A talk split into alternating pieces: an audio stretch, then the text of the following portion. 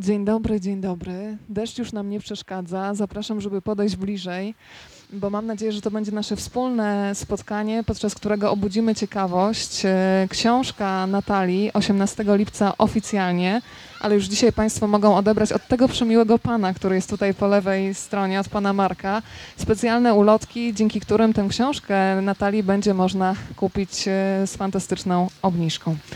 Natalia Sosin-Krosnowska, dla tych wszystkich, którzy jeszcze nie słyszeli, autorka książki Cisza i Spokój, czyli cała prawda o życiu daleko od miasta. Część z Państwa pewnie doskonale Natalię kojarzy z programu Daleko od miasta, Domo Plus. E, I od razu muszę zapytać, Natalia, kiedy postanowiłaś, że to, co zostało pokazane na ekranie, to jeszcze nie jest wszystko, co można opowiedzieć o życiu z daleka od e, miasta? Czyli krótko mówiąc, kiedy narodził się ten pomysł, żeby to wszystko spisać i tym samym, żeby słowa uruchamiały wyobraźnię? Właściwie od początku miałam wrażenie, że to, co opowiadamy w programie, to jest, y, to jest jeszcze nie wszystko. Zawsze po każdym odcinku, w momencie, kiedy go oglądałam, pozostawał pewien niedosyt. To znaczy, miałam w głowie te wszystkie rozmowy, które przeprowadzałam z bohaterami i no niestety na montażu dużo rzeczy wypada. Y, To jest program emitowany w telewizji, poświęcony głównie wnętrzom, więc tam było bardzo dużo e, nacisku kładzionego na wnętrza, na to, jak wyglądają domy, jak odbywał się remont domu, jak się takiego domu szuka. I gdzieś tam wokół domu cały czas to się y, kręciło, a troszeczkę mało było o tym, jacy to są ludzie, z jakimi oni problemami się zmagali, bo bardzo często to są poruszające i, i trudne historie ich życiowe.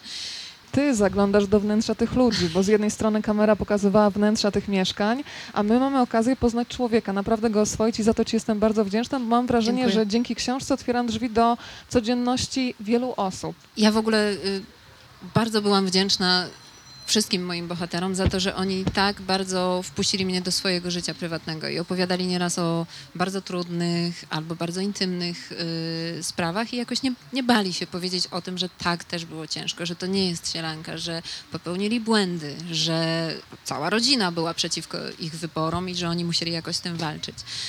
Wracając do poprzedniego pytania, y, pomysł powstał po kilku latach też odpowiadania na podobne pytania, bo bardzo często było tak, że rozmawiałam z różnymi moimi znajomymi na temat y, jakiegoś odcinka, który oni oglądali y, i, i mówię, a bo tam jeszcze było to i jeszcze było to i to nie do końca wyglądało tak, dlatego że ten facet to naprawdę przeszedł tam wieloletnią drogę przez mękę i oczywiście może powiedzieć, że teraz wszystko jest super i że świetnie działa, ale y, może to powiedzieć na przykład po 10 latach bycia na tym, y, na tym miejscu, więc y, stąd powstała książka, bo za każdym razem jak gdzieś jadę, szczególnie do miejsc, gdzie ludzie prowadzą agroturystyki, to oni mają podobne obserwacje, że przyjeżdżają do nich y, ludzie, są zachwyceni przepięknym miejscem, są zachwyceni cudownym jedzeniem, widzą ceny, które niejednokrotnie są dość wysokie i myślą, Boże, przecież to jest praca marzeń. Przecież to jest fantastyczne. Zarabiasz bardzo dużo pieniędzy, robiąc coś, co jest w ogóle takie przyjemne, w takim pięknym miejscu. To są nieustające wakacje.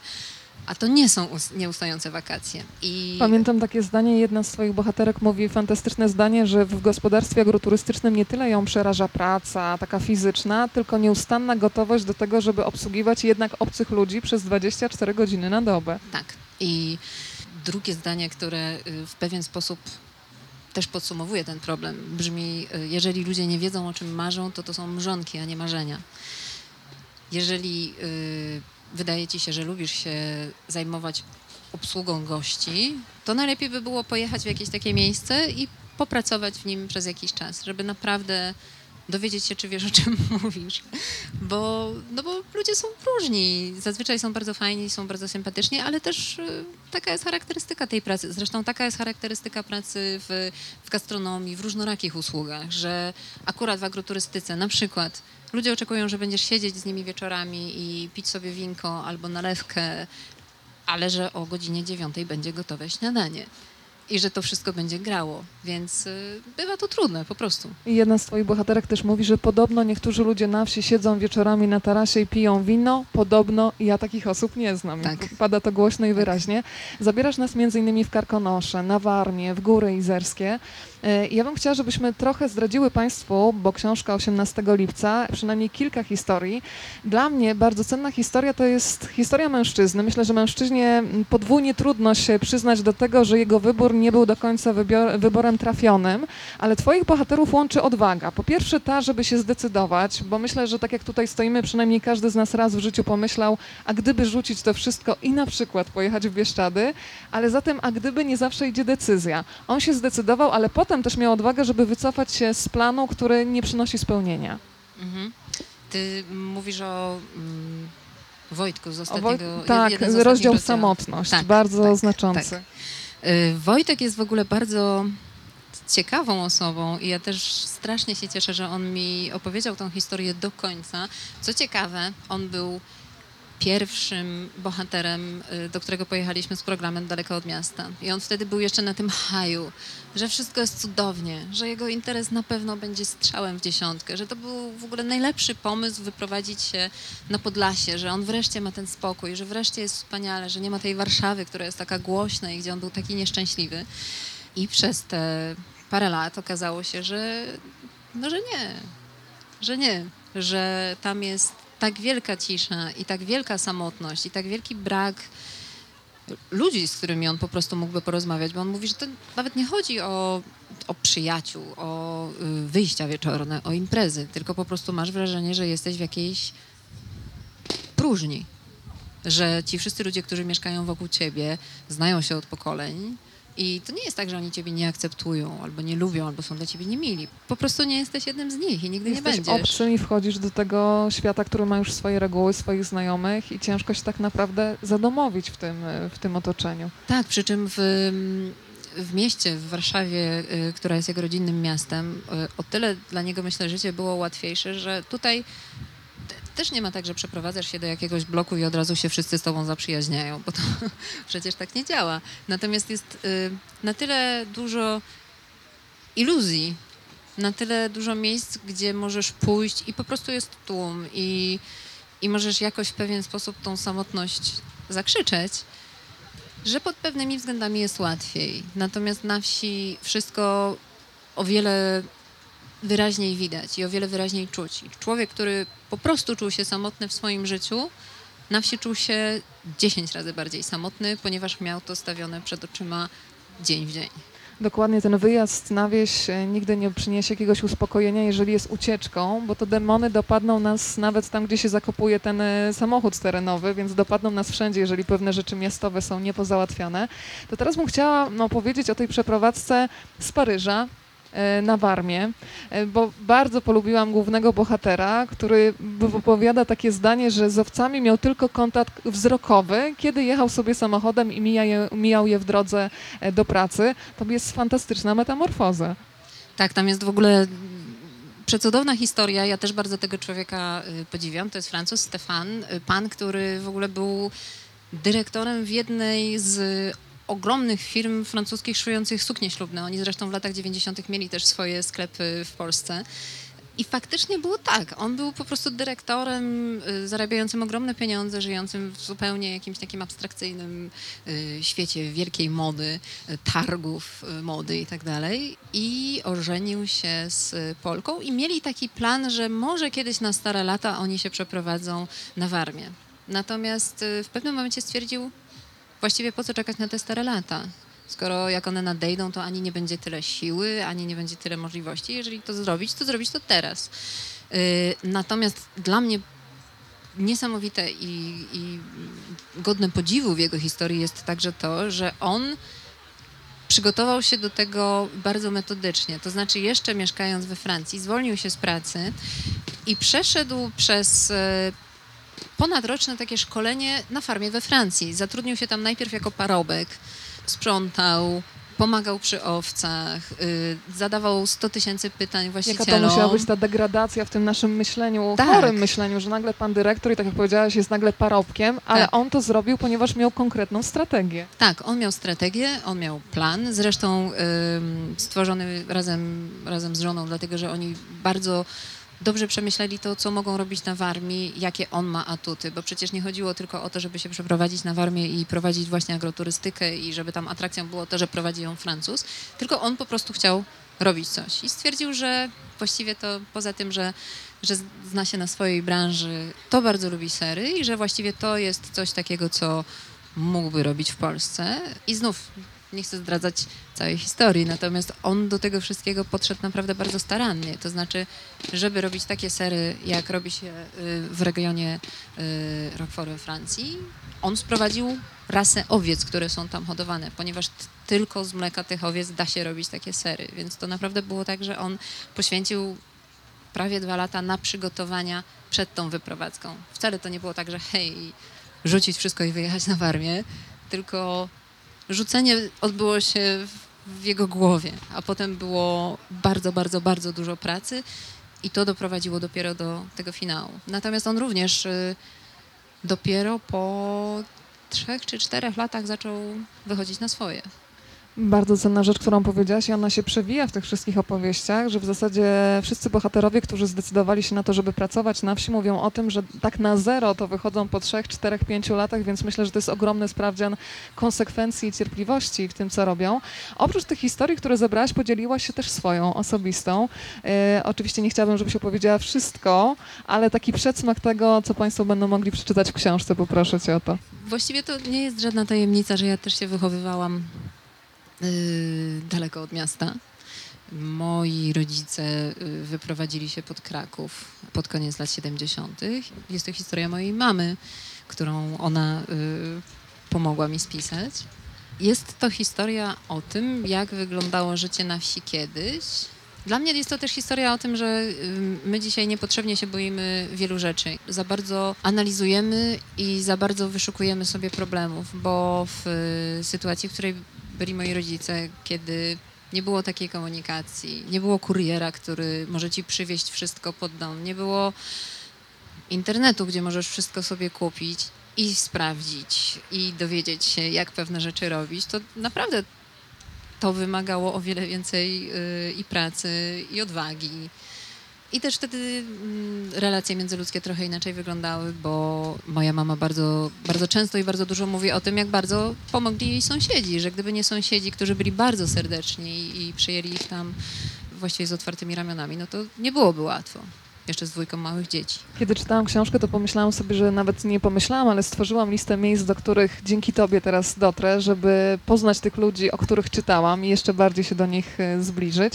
No i bardzo bym chciała poznać jednego z panów, który sobie mm, powziął taki bardzo ambitny plan, że przez rok nie będzie kupował jedzenia z zewnątrz. Powiedzmy trochę o nim, bo to też jest taki coś bardzo ambitnego, ale też pan, który wykazał pewną elastyczność, kiedy się okazało, że być może to, co sobie założył, niekoniecznie będzie do zrealizowania. To jest w ogóle bardzo też ciekawa historia, dlatego że y, jest to człowiek, który pracuje w branży IT i on y, jest prezesem spółki notowanej na giełdzie.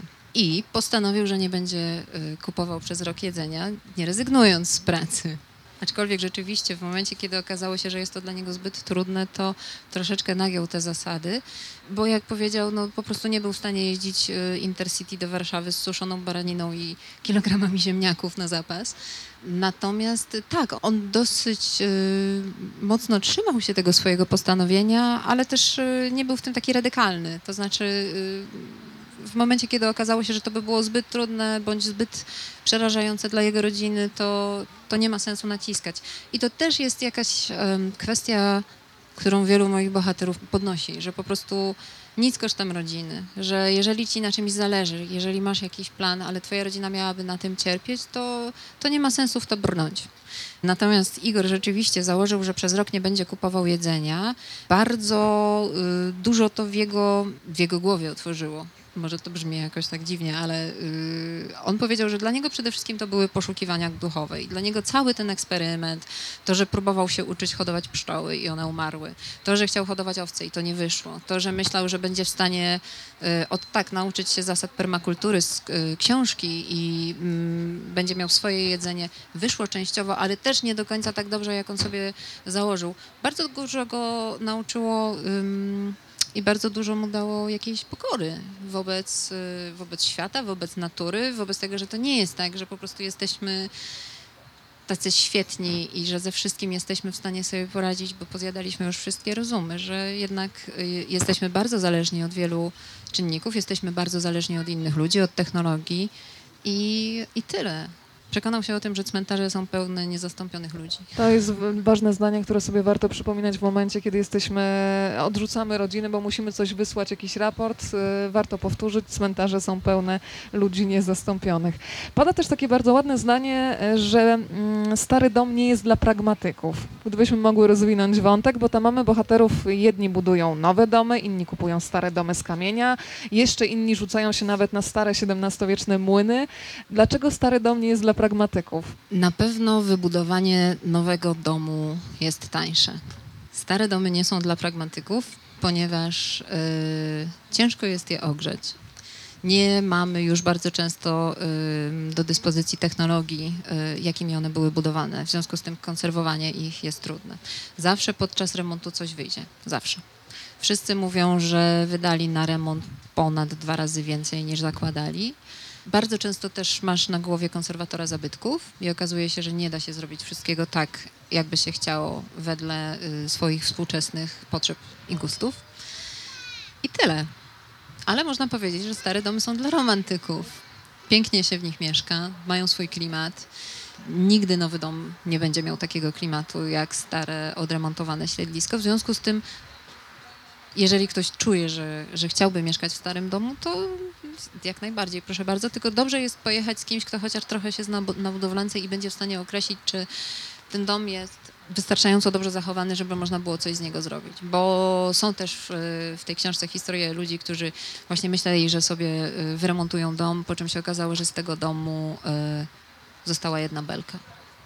To powiedzmy jeszcze o tych ludziach, z którymi się spotkałaś, bo bym powiedziała, że to są ludzie z różnych bajek. I jeżeli chodzi o wykształcenie, i jeżeli chodzi o tak zwany status majątkowy, jakkolwiek to nie zabrzmi. I myślę, że to jest też taka furtka otwarta dla wszystkich, bo niektórym się może wydawać to nie dla mnie, nie dysponuję wolną gotówką, ale tam pokazujesz pary naprawdę marzycieli i takich, którzy pracowali przez kilkadziesiąt lat i mogą sobie powiedzieć ze spokojem stop, zmieniam styl życia. Powiedzmy, z jakich światów oni pochodzą. Oj, najróżniejszych. Yy, bardzo często ludziom się wydaje, że to jest tak, że trzeba mieć dużo pieniędzy, żeby wykonać taki krok, że trzeba mieć jakoś tam yy, zabezpieczone to właśnie być tym dyrektorem i mieć taką fanaberię, ale to nieprawda, bo równie dobrze można zapytać, czy potrzeba mieć dużo pieniędzy, żeby kupić mieszkanie w Warszawie? Tak. Dziesiątki, setki ludzi biorą te kredyty i kupują mieszkania i, i jakoś sobie z tym radzą, więc jeżeli ktoś uważa, że chciałby mieszkać na wsi, mieć dom na wsi i na to wziąć kredyt, to też może sobie poradzić. Oczywiście, jeżeli to jest tak, że ktoś chciałby mieć jako drugi dom, dom wiejski, no to jest to już dosyć kosztowna y, rozrywka. Natomiast y, jest to taki sam dom, jak i dom w mieście. Najważniejsze jest to, żeby mieć pomysł na to, co się tam będzie robić, bo bardzo męczące i bardzo trudne jest, jeżeli mieszkasz na wsi, a masz pracę w mieście i gdzieś dojeżdżasz, bo to się kończy tak, że spędzasz całe życie w samochodzie i właściwie nie korzystasz z tych wszystkich przyjemnych, y, pozytywnych aspektów. Możesz sobie wypić kawę w ogródku w niedzielę, ale właściwie wypijesz kawę i zaraz widzisz, że y, tu trzeba coś zrobić, tam trzeba coś robić, trawę trzeba skosić. Masz bardzo dużo pracy i właściwie bardzo mało radości z tego. Oni mówią też bardzo ważną rzecz, że praca na wsi, kiedy człowiek chce tam zarobkować, jest bardzo intensywna, często nawet cięższa niż w mieście, ale daje poczucie spełnienia, bo człowiek po pierwsze widzi efekt i też widzi poczucie sensu, ma poczucie sensu w takiej e, pracy. Pokazujesz też ludzi, którzy pozwolili sobie na taki tryb życia, który nie jest e, częsty. Sama zresztą przyznaję, że po raz pierwszy spotkałaś się z rodziną, w której jest tak zwana edukacja domowa. Powiedzmy o historii Klary i Rafała. Y, To jest wyjątkowa rodzina. Rzeczywiście oni mają pięcioro dzieci, które przez jakiś czas y, wozili ze swojego domu na Kaszubach do, y, do szkoły w Gdańsku. Natomiast okazało się, że to jest tak męczące dla wszystkich, że nie ma sensu, ponieważ zimą wyglądało właśnie tak, że te dzieci wstawały o 4-5 rano, tata wstawał trochę wcześniej, odpalał samochód, grzał ten samochód, niósł je potem w kurtkach takie śpiące, każde ze swoją poduszką do samochodu, jechał do Gdańska, tam zjadały jakieś śniadanie u babci czy u cioci i dopiero szły y, do szkoły. I, I tak samo w drugą stronę. On do pracy, potem zbierał te dzieciaki, zabierał je tam. I nagle się okazało, że one tak bardzo nie mają życia przez to, że nie ma to sensu. I y, ja wtedy w ogóle dowiedziałam się bardzo dużo na temat edukacji domowej. Bardzo mnie ten temat zainteresował. Czy Konstanty twój będzie beneficjentem tej wiedzy teraz? Się zastanawiam, czy aż na tyle cię to zainteresowało. Nie, chyba nie. Chociaż y, moja sąsiadka y, zastanawia się teraz nad uczeniem w domu swoich córek, więc jeżeli jej wyjdzie, to może się podepnę. Natomiast y, na przykład ciekawe dla mnie było to, że ja tak stereotypowo myślałam, że dzieci, które są uczone w domu, to po prostu siedzą zamknięte w tym domu i nie mają żadnych kolegów i że to może być dla nich trudne. A y, właśnie Klara powiedziała, no słuchaj, pytałam moją córkę najstarszą, jak to wygląda i ona mówi, mamo, a ile ja mam czasu dla koleżanek, jak mam pięciominutową przerwę, na której y, przechodzimy z sali do sali? Dzieciom da się zapewnić y, towarzystwo. Akurat w przypadku Klary i Rafała oni mają tam i sąsiadów, i dzieci, które przyjeżdżają na obozy, bo oni oprócz tego jeszcze organizują y, charytatywnie takie obozy dla dzieci, y, które tam przyjeżdżają trochę uczyć się tego prawdziwego życia. Nie wydaje mi się, żeby one narzekały na, na edukację domową. Aczkolwiek znów w momencie, kiedy starsze ich dzieci poszły do liceum i o wiele bardziej potrzebowały mm, kontaktu z rówieśnikami i jakiejś przynależności do, do grupy rówieśniczej, oni zdecydowali, że wracają do miasta, że y, szczęście dzieci jest ważniejsze niż marzenia rodziców. Twoi bohaterowie, dziękuję im też za szczerość, mówią wprost, że przeprowadzka na wieś to też jest sprawdzian dla związku. Dlaczego? Dlatego, że się jest ym, bez przerwy ciągle razem. I jeżeli do tego jeszcze się pracuje razem, to dla wielu jest y, duża próba i duże wyzwanie. To znaczy, jeżeli na przykład przeprowadzają się na wieś ludzie, którzy mają 40 parę lat, są razem od 20 i przez te 20 lat widzieli się przez parę godzin wieczorem w tygodniu i weekendowo, kiedy miło spędzali czas, to w momencie, kiedy jest przeprowadzka, która zawsze jest dużym stresem, remont, który zawsze jest dużym stresem i do tego wszystkiego jeszcze wielka niewiadoma, y, no to jest się o co kłócić po prostu. Nagle się okazuje, że y, są dwie osoby, dwie wizje. Zawsze jest tak, że ktoś tej zmiany chciał bardziej. I zawsze jest tak, że ktoś y, usłyszy, dobra, ale to ty chciałeś mieszkać na wsi, to teraz się z tym męcz. Uśmiechałam się czytając twoją książkę, bo przypomniałam sobie swój wyjazd y, w Bieszczady zimową porą. Pierwszego dnia powiedziałam, przeprowadzamy się. Po czterech dniach bez internetu, bez ludzi, powiedziałam, ja nie wytrzymam, więc też to się bardzo szybko weryfikuje i twoi bohaterowie mówią bardzo ważną rzecz.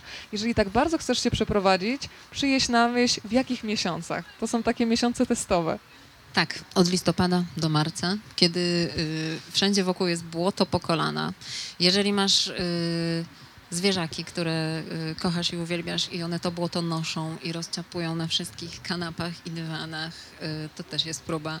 Y, jest ciemno i to są takie ciemności, których osoba mieszkająca w mieście nawet nie jest w stanie sobie wyobrazić. Ja pamiętam moją pierwszą wizytę w Bieszczadach, kiedy wyszłam przed dom, popatrzyłam do góry i powiedziałam, Boże, to tak wygląda niebo? Bo, bo w mieście jest tak wielkie zanieczyszczenie światłem, że nawet nie masz możliwości zobaczenia tego, ile jest gwiazd i jak pięknie to wszystko wygląda. I, i jest fajnie. Natomiast y, właśnie, kiedy jest ciągle zimno, kiedy sama musisz sobie zapewnić y, opał, ogrzewanie, kiedy dojechanie wszędzie jest y, ciężkie i finalnie często jest tak, że całymi tygodniami się siedzi w domu, to bywa trudno. Po prostu bywa trudno. Część tej książki, bardzo ważna część, to są zdjęcia. Na tych zdjęciach bardzo lubię między innymi Lokusza i Kasię. Jest takie piękne zdjęcie, mam kadr przed oczami, y, gdzie z oddalenia jakby się im przyglądasz, jest koń i Lokusz. Powiedzmy trochę o tej rodzinie. Potoczek, czyli Kotlina Kłodzka. Tam teraz Państwa zabieramy na chwilę, a resztę historii będzie można doczytać w książce, ale tak na podsycenie apetytu. To jest w ogóle też kolejna ciekawa historia. Kasia i Lokusz, wielka miłość. Y, Między nimi jest dość duża różnica wieku, 30 lat. I Lokusz jest kowbojem. Po prostu. Ja, kiedy jeszcze nie znałam ich i przeczytałam sobie tylko na stronie internetowej, to myślałam, że to jest taka, taka bajka dla letników. Ale jedziesz tam i kurczę, on naprawdę jest kowbojem. To jest facet, który miał chyba 6 lat, y, jak e, tata zabrał go na mm, tak zwany poranek do kina, zobaczył tam film e, z Johnem Wayne'em i on stwierdził, że on chce być kowbojem. I, i tyle. W związku z Niewielu tym- chłopców tak powiedziało, ale tylko on to on zrealizował. to zrealizował, tak. Yy, natomiast Kasia w związku z tym no, nie ma z nim lekko, dlatego że on po prostu siedzi z tymi końmi, jeździ na rajdy yy, z gośćmi. Przez jakiś czas jeszcze uczył jazdy konnej, ale teraz już tego mm, nie robi, bo nie ma chyba trochę nerwów i, i czasu. Yy, a Kasia się zajmuje wszystkim innym. To znaczy, jak jest sezon, siedzi od godziny 6 rano do godziny 22 w kuchni gotuje. Tam się nauczyła gotować. Razem z nim y, remontowała dom, który zupełnie nie wyglądał y, jak miejsce, w którym może zamieszkać ktokolwiek. On był po prostu przez wiele lat zamknięty, pusty, wszystko zarośnięte mchem w środku, pajęczyny i tak dalej. Kasia w ogóle opowiadała mi, że jeżeli kiedykolwiek jeszcze się zdecydują na jakiś remont, to ona sobie wynajmie przyczepę kampingową, żeby mieć swoją oazę czystości i spokoju. No i tak to wygląda. Przy czym y, to jest piękne życie. Ja bardzo, y, bardzo ich lubię i bardzo cenię y, tę znajomość. Natomiast wyobrażam sobie, że y, dla Kasi to musi być często niełatwe, że właśnie Lokusz jest, jemu jest tak bardzo obojętne, czy będzie ładnie, czy będzie brzydko. Jemu jest wszystko jedno, czy jest mu wygodnie, czy niewygodnie. To jest facet, który w listopadzie y, siedzi sobie w krótkim rękawie w kuchni, po prostu para z ust mu leci, a on pije kawę i nie czuje tego wszystkiego. On po prostu jest odporny. Y, Natomiast ona jest y, drobną, filigranową kobietką, która jak trzeba, to rąbie drewno, jak trzeba, to zajmuje się innymi y, zwierzętami, ma tam ogród, gotuje dla gości. Na jej barkach spoczywa właśnie zajmowanie się ludźmi, co może być często trudniejsze niż zajmowanie się końmi. Jeden z bohaterów też mówi takie zdanie, że kiedy przyjeżdżasz na wieś, powinieneś przejść wiejską resocjalizację. Co się kryje za hasłem wiejska resocjalizacja? Musisz y, przez jakiś czas poddać się naturze. Przestać próbować kształtować ją wedle, swoich, y, wedle swojego widzimisię. Musisz nauczyć się jej słuchać. Musisz y, nauczyć się tego, że ona od zawsze żyje swoim rytmem. I to my sobie wymyśliliśmy, że pracuje się od y, 9 do 5 i od poniedziałku do piątku, a natura po prostu ma swoje cykle związane z porami roku. W związku z tym trzeba po prostu się przyglądać i pewnych rzeczy nauczyć, nie brać się do y, remontu dachu w listopadzie, albo nauczyć się, jak y, wszystko wygląda w, w ogrodzie i kiedy jest dobra pora na co. On przez wiejską resocjalizację właśnie ma na myśli to, żeby oduczyć się tego naszego miejskiego i w ogóle współczesnego rysu potrzeby podporządkowywania wszystkiego sobie. To my jesteśmy elementem natury. My jako część większej całości. To jeszcze bym chciała Państwa przenieść do siedliska Pasieka, tak żeby trochę też podsycić apetyt, ale apetyt wręcz powiedziałabym w sensie dosłownym. Ty też się przyznajesz do uzależnienia od miodów Tak. bardzo konkretnych, więc powiedzmy trochę o historii Marty i Tomka. E, Archeolodzy, którzy wyjeżdżają, żeby gdzieś na zmywaku w Szkocji pracować, a potem nagle powrót do Polski w bardzo konkretne miejsce. Mhm. Oni y, wrócili na Warmię, z której pochodzą zresztą, ale, ale właściwie to było tak, że oni pojechali po prostu szukać szczęścia i, i pracy za granicą. I tam rzeczywiście pracowali w takich typowych zawodach dla młodych emigrantów. Na zmywaku to Marta opiekowała się y, starszymi ludźmi, on pracował w budowlance i w pewnym momencie stwierdzili, że chcieliby czegoś takiego i że zamiast próbować tam coś takiego stworzyć, to, to wrócą na Warmię. Przy czym dom kupili przez internet. W ogóle nie widzieli go na żywo y, przed wprowadzeniem się tam. Pojechał chyba tata Tomka, z tego co pamiętam, żeby zobaczyć, czy tam wszystko jest ok. Ale, jakieś zaufanie też do rodziców. do rodziców i też do tego sprzedającego, że naprawdę wszystko jest okej. Natomiast pojechali tam i mówią, że właściwie to, że, że byli tak młodzi i pełni wiary w, wiary w to i też naiwni i też nie wiedzieli o tym, jak to wszystko wygląda, bardzo im pomogło, bo gdyby wiedzieli, to by pewnie się nie zdecydowali. Jeden z bohaterów mówi bardzo ładne zdanie, które pokazuje, jak ważne jest nastawienie. Powiedział tak, że wieść cię zawsze zaskoczy, od ciebie zależy, czy to będzie zaskoczenie pozytywne czy negatywne i spotykasz w większości chyba takich ludzi, którzy są otwarci na to, co przynosi życie. Tak, tak. To właśnie Tomek z Pasieki powiedział, że wszystko można odebrać jako pozytyw albo negatyw, reszta zależy od tego, jakim jesteś człowiekiem. I on jest właśnie takim pozytywnym człowiekiem, który wszystko odbiera jako pozytyw i opowiada historie, które w momencie, kiedy się działy, pewnie musiały być historiami mrożącymi krew w żyłach. Bo na przykład mieli ekipę, która miała im zrobić studnię. E, Ekipa mieszkała ze cztery miesiące u nich na podwórku w takiej przyczepie kempingowej. On się śmiał, że dzieci już mówiły do nich wszystkich wujku. I w końcu tą studię wykopali, podłączyli pompę, pojechali.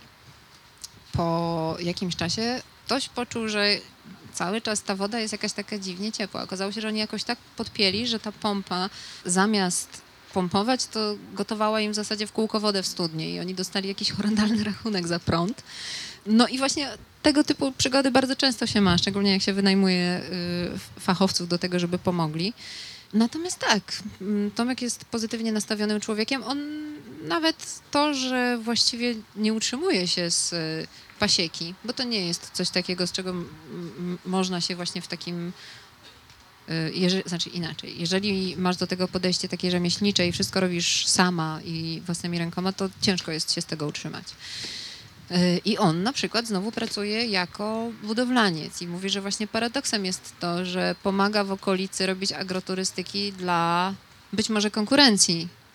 A z drugiej strony Warmia jest bardzo ciekawym miejscem, bo tam mieszka dużo bardzo fajnych ludzi, którzy właśnie nie traktują siebie jak konkurencja i rozumieją też to, że im więcej ich będzie, tym lepiej dla całego regionu, tym więcej ludzi będzie przyjeżdżać. Nigdy to nie będzie tak, że będą musieli walczyć o klienta.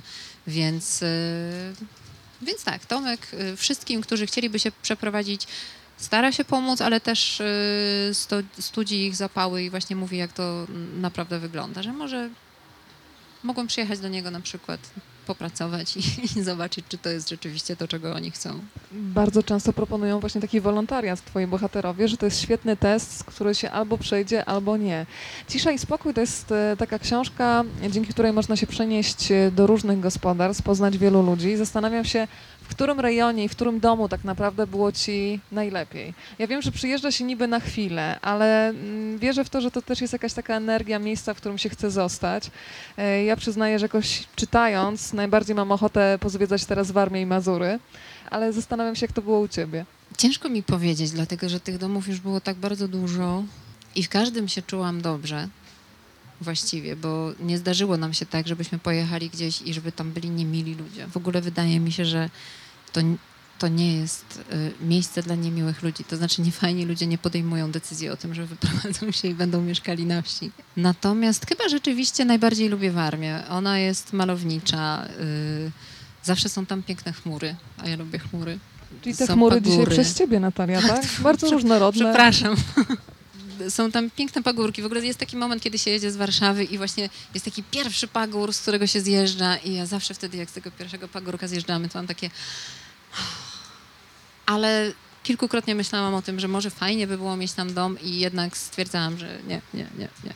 Po tylu rozmowach wiesz, o czym mówisz. Ja na przykład nie miałam pojęcia, bo wchodzisz też w zagadnienia prawne i bardzo dobrze, bo to jest coś, co pozwala stanąć mocno na nogach i przyjrzeć się naszemu planowi, jeżeli ktoś myśli o tym, żeby wyjechać na wieś. Nie miałam na przykład pojęcia, jak bardzo e, istotne jest, czy możemy założyć pensjonat, czy agroturystykę. Że to się wiąże z kompletnie innymi podatkami, ZUS-ami.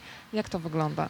Y, To wygląda tak, że y, z agroturystyką jest łatwiej, y, ponieważ agroturystyka w ogóle to też jest y, ciekawe, że dużo ludzi myśli o tym, że to jest po prostu pięknie urządzony pensjonat na wsi, a agroturystyka w założeniu prawnym jest y, sytuacją, kiedy rolnik ma działalność pozarolniczą polegającą na tym, że przyjmuje gości u siebie w domu. Więc to, że jest, są ci goście u ciebie w domu jest kluczowe. Natomiast w momencie, kiedy masz pensjonat, to już jest zupełnie inna historia właśnie z y, sanepidem. Niemalże osobną całą trzeba mieć kuchnię, muszą być te jakieś ciągi. Nie może być tak, że po prostu karmisz y, ludzi czymś, co gotujesz sobie u siebie w domu w kuchni. Yy, W związku z tym, wyprowadzając się do jakiegoś miejsca i zakładając, że będzie się miało agroturystykę, dobrze jest sprawdzić, czy w ogóle jest taka możliwość. I właśnie w y, książce też jest historia ludzi, którzy nie mieli pojęcia, że to, że wszystko wygląda na to, że i wskazuje na to, że oni mieszkają na wsi, to jednak administracyjnie wsią nie jest, ponieważ jest to jakaś kolonia dołączona do y, miasteczka i mieli dosyć duże problemy związane właśnie z tym, że wszystko musieli załatwiać i też wyższe ZUS płacić, dlatego że podpadało to pod pensjonat, a nie agroturystykę. Natalia skomplementowała chmury i mam wrażenie, że w podzięce się trochę rozjaśniło, coraz więcej słońca się pojawia, drodzy Państwo. W Twojej książce też pojawia się takie słowo permakultura. E, Nowe słowo, co się za nim kryje, bo być może ktoś dzisiaj też je usłyszy po raz pierwszy. E, Permakultura, tak. To jest słowo, które jest mm, bardzo modne. Od jakichś dwóch lat, gdziekolwiek e, praktycznie jadę, to jeżeli ktoś ma ogródek przy, przy domu, taki warzywny, to mówi, tutaj mamy taką grządkę permakulturową. Generalnie dużo ludzi rozumie permakulturę tak, że po prostu sobie coś tam siejesz albo sadzisz, w ogóle tego nie ruszasz i to samo rośnie i daje wspaniały plon. Tak nie jest.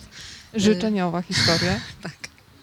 Y, Natomiast to są różne, to są różne techniki y, prowadzenia ogrodu, które mają doprowadzić do tego, żeby ten ogród był jak najbardziej samowystarczalny. To znaczy, y, jeżeli spojrzysz na jakikolwiek eko, ekosystem typu las, on nie potrzebuje podlewania, on nie potrzebuje nawożenia. To wszystko jakoś tam działa. W związku z tym chodzi o to, żeby w takich miejscach, w taki sposób y, sadzić rośliny, żeby one miały nawodnienie naturalne, żeby miały rośliny, które je y, wspierają i dają właśnie na przykład y, nawóz, albo są, bo są rośliny, które należy sadzić blisko siebie, bo sobie pomagają i są takie, które sobie szkodzą wzajemnie.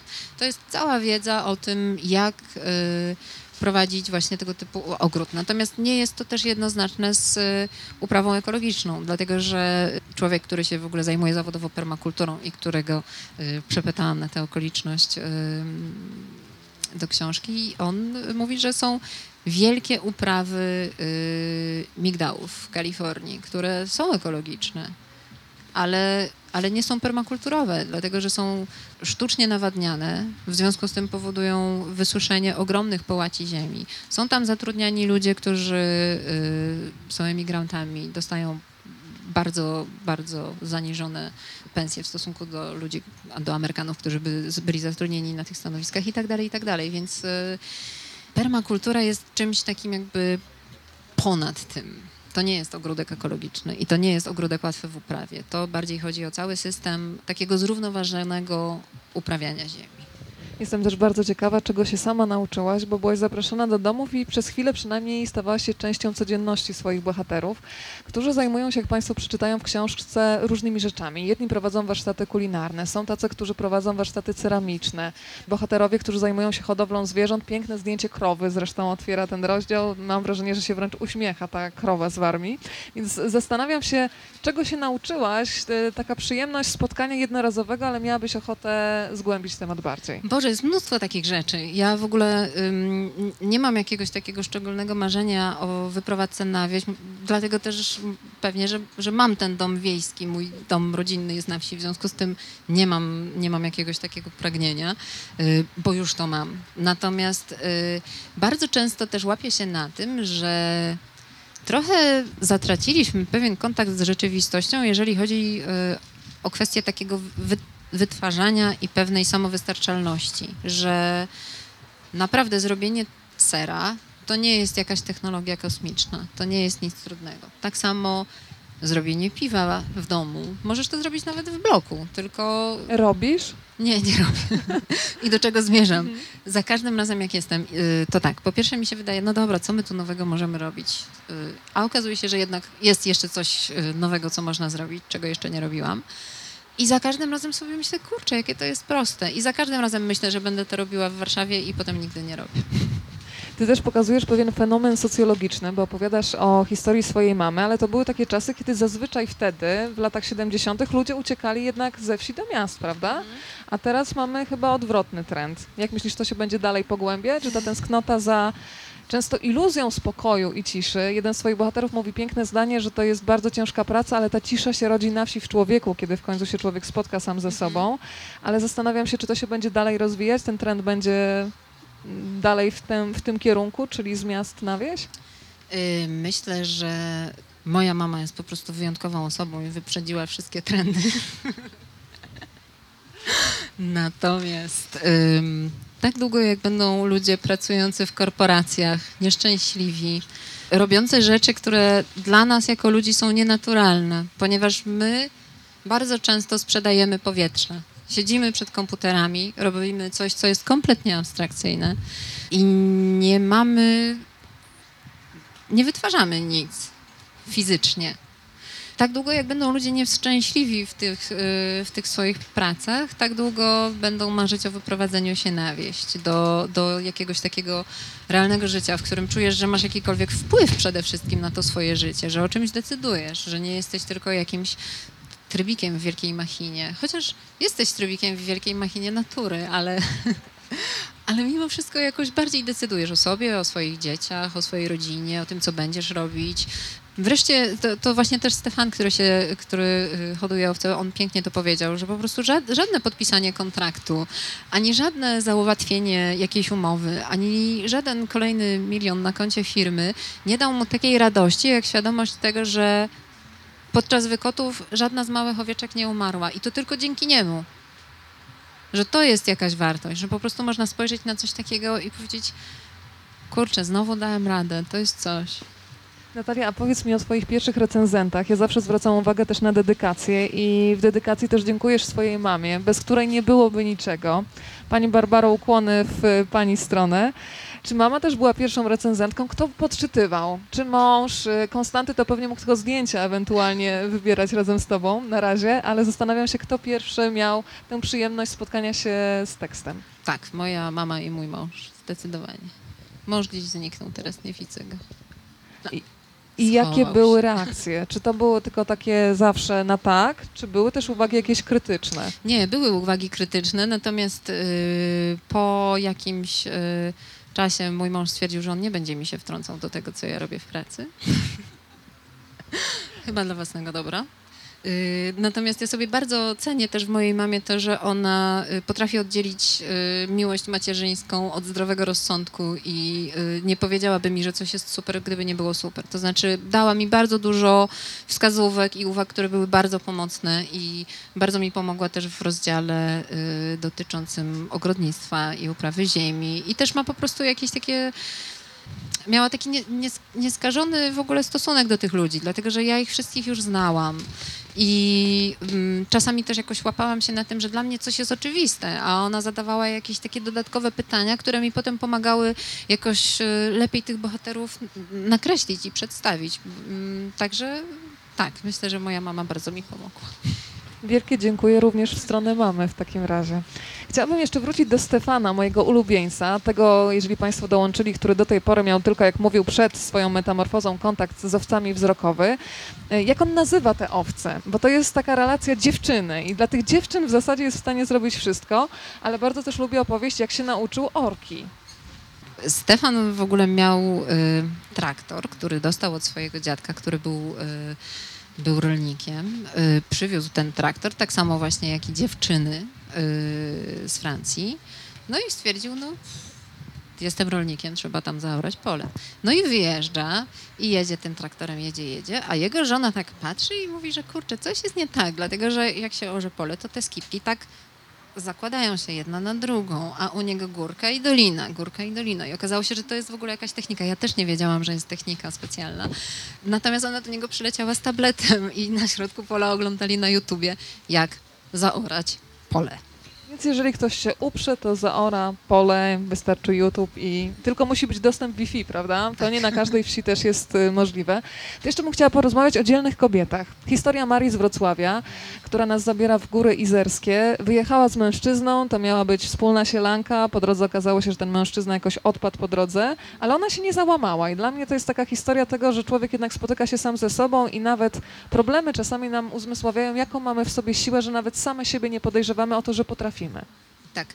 Maria y, też bardzo ciekawa postać. Zresztą ona w pewien sposób dla mnie reprezentuje dosyć dużą grupę, bo bardzo wiele jest takich kobiet, które wyjechały z jakimiś mężczyznami, którzy mieli być, a potem się okazało, że jednak ich nie będzie.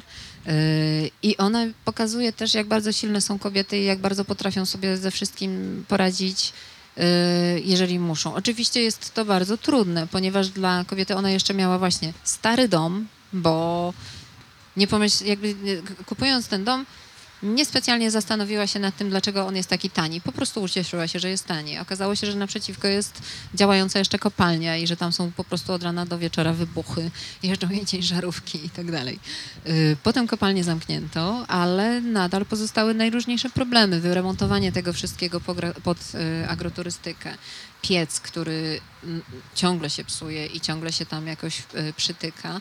I w dodatku jest na węgiel, który to węgiel ona musi nosić z, z, jakiegoś, z jakiejś tam komórki, która jest na podwórku. Więc ta dziewczyna właśnie w sezonie jesienno-zimowym Chyba musimy zastosować znowu zasady permakultury, czyli dostosować się do warunków, jest. jakie stwarza nam natura. Jeżeli Państwo mają pytania, to my się może schowamy tutaj pod namiot. Będzie bardzo kameralnie i bardzo blisko, tak żeby jeszcze zadać pytanie Natalii. Natalia, moje ostatnie do Ciebie. tak Czy będzie ciąg dalszy? Bo tych y, historii jest tyle, że mam wrażenie, że zaczynasz działać jak magnes, że teraz znajomi mówią, słuchaj, a jest taki człowiek tu i tu, może byś się z nim spotkała i może byś opisała lub pokazała jego historię, jak to jest. E, Wiesz co, w ogóle z tymi e, znajomymi polecającymi rzeczywiście jest tak, że my na samym początku jakoś tam wyszukiwaliśmy ludzi, a właściwie w tym momencie to już jest trochę samograj. To znaczy tak bardzo dużo ludzi nam poleca różne miejsca, że właściwie musimy tylko wybrać, które są najfajniejsze i do których nam najbardziej zależy. Czy będzie dalszy ciąg? Nie wiem. Nie wiem. Nie wiem, ale nie wiem, to jest takie Musicie słowo wygodne, które pozostawia jeszcze otwarte drzwi, taką furtkę. Natalia Sosień-Krosnowska, Cisza i spokój, cała prawda o życiu daleko od miasta. 18 lipca ta książka będzie już w księgarniach. Ci mili panowie pod parasolem mają dla Państwa ulotki, które upoważniają do kupna książki z dużym rabatem, więc warto się do nich uśmiechnąć. E, A ja teraz z przyjemnością oddam mikrofon w dobre ręce dla tych, którzy mają pytanie do Natalii. Tylko proszę podnieść rękę, ja już biegnę. Zawsze jest tak, że ktoś musi zacząć, jak na każdym zebraniu podobno tak jest. Ciekawość już jest zaspokojona chyba. W takim razie pięknie dziękuję w imieniu wydawnictwa Czarna Owca. Przypominam, 18 lipca w księgarniach będzie książka Natalii. Bardzo Ci Natalia dziękuję za książkę i za to, że dzięki tej książce miałam okazję poznać tylu ludzi jednocześnie i teraz już wiem, że będę do nich jechać i będę ich odwiedzać. Bardzo dziękuję. Dzięki. A ja chciałam tylko dodać, że bardzo Wam dziękuję wszystkim, którzy przyszliście mimo tej pogody. Jest mi naprawdę bardzo miło.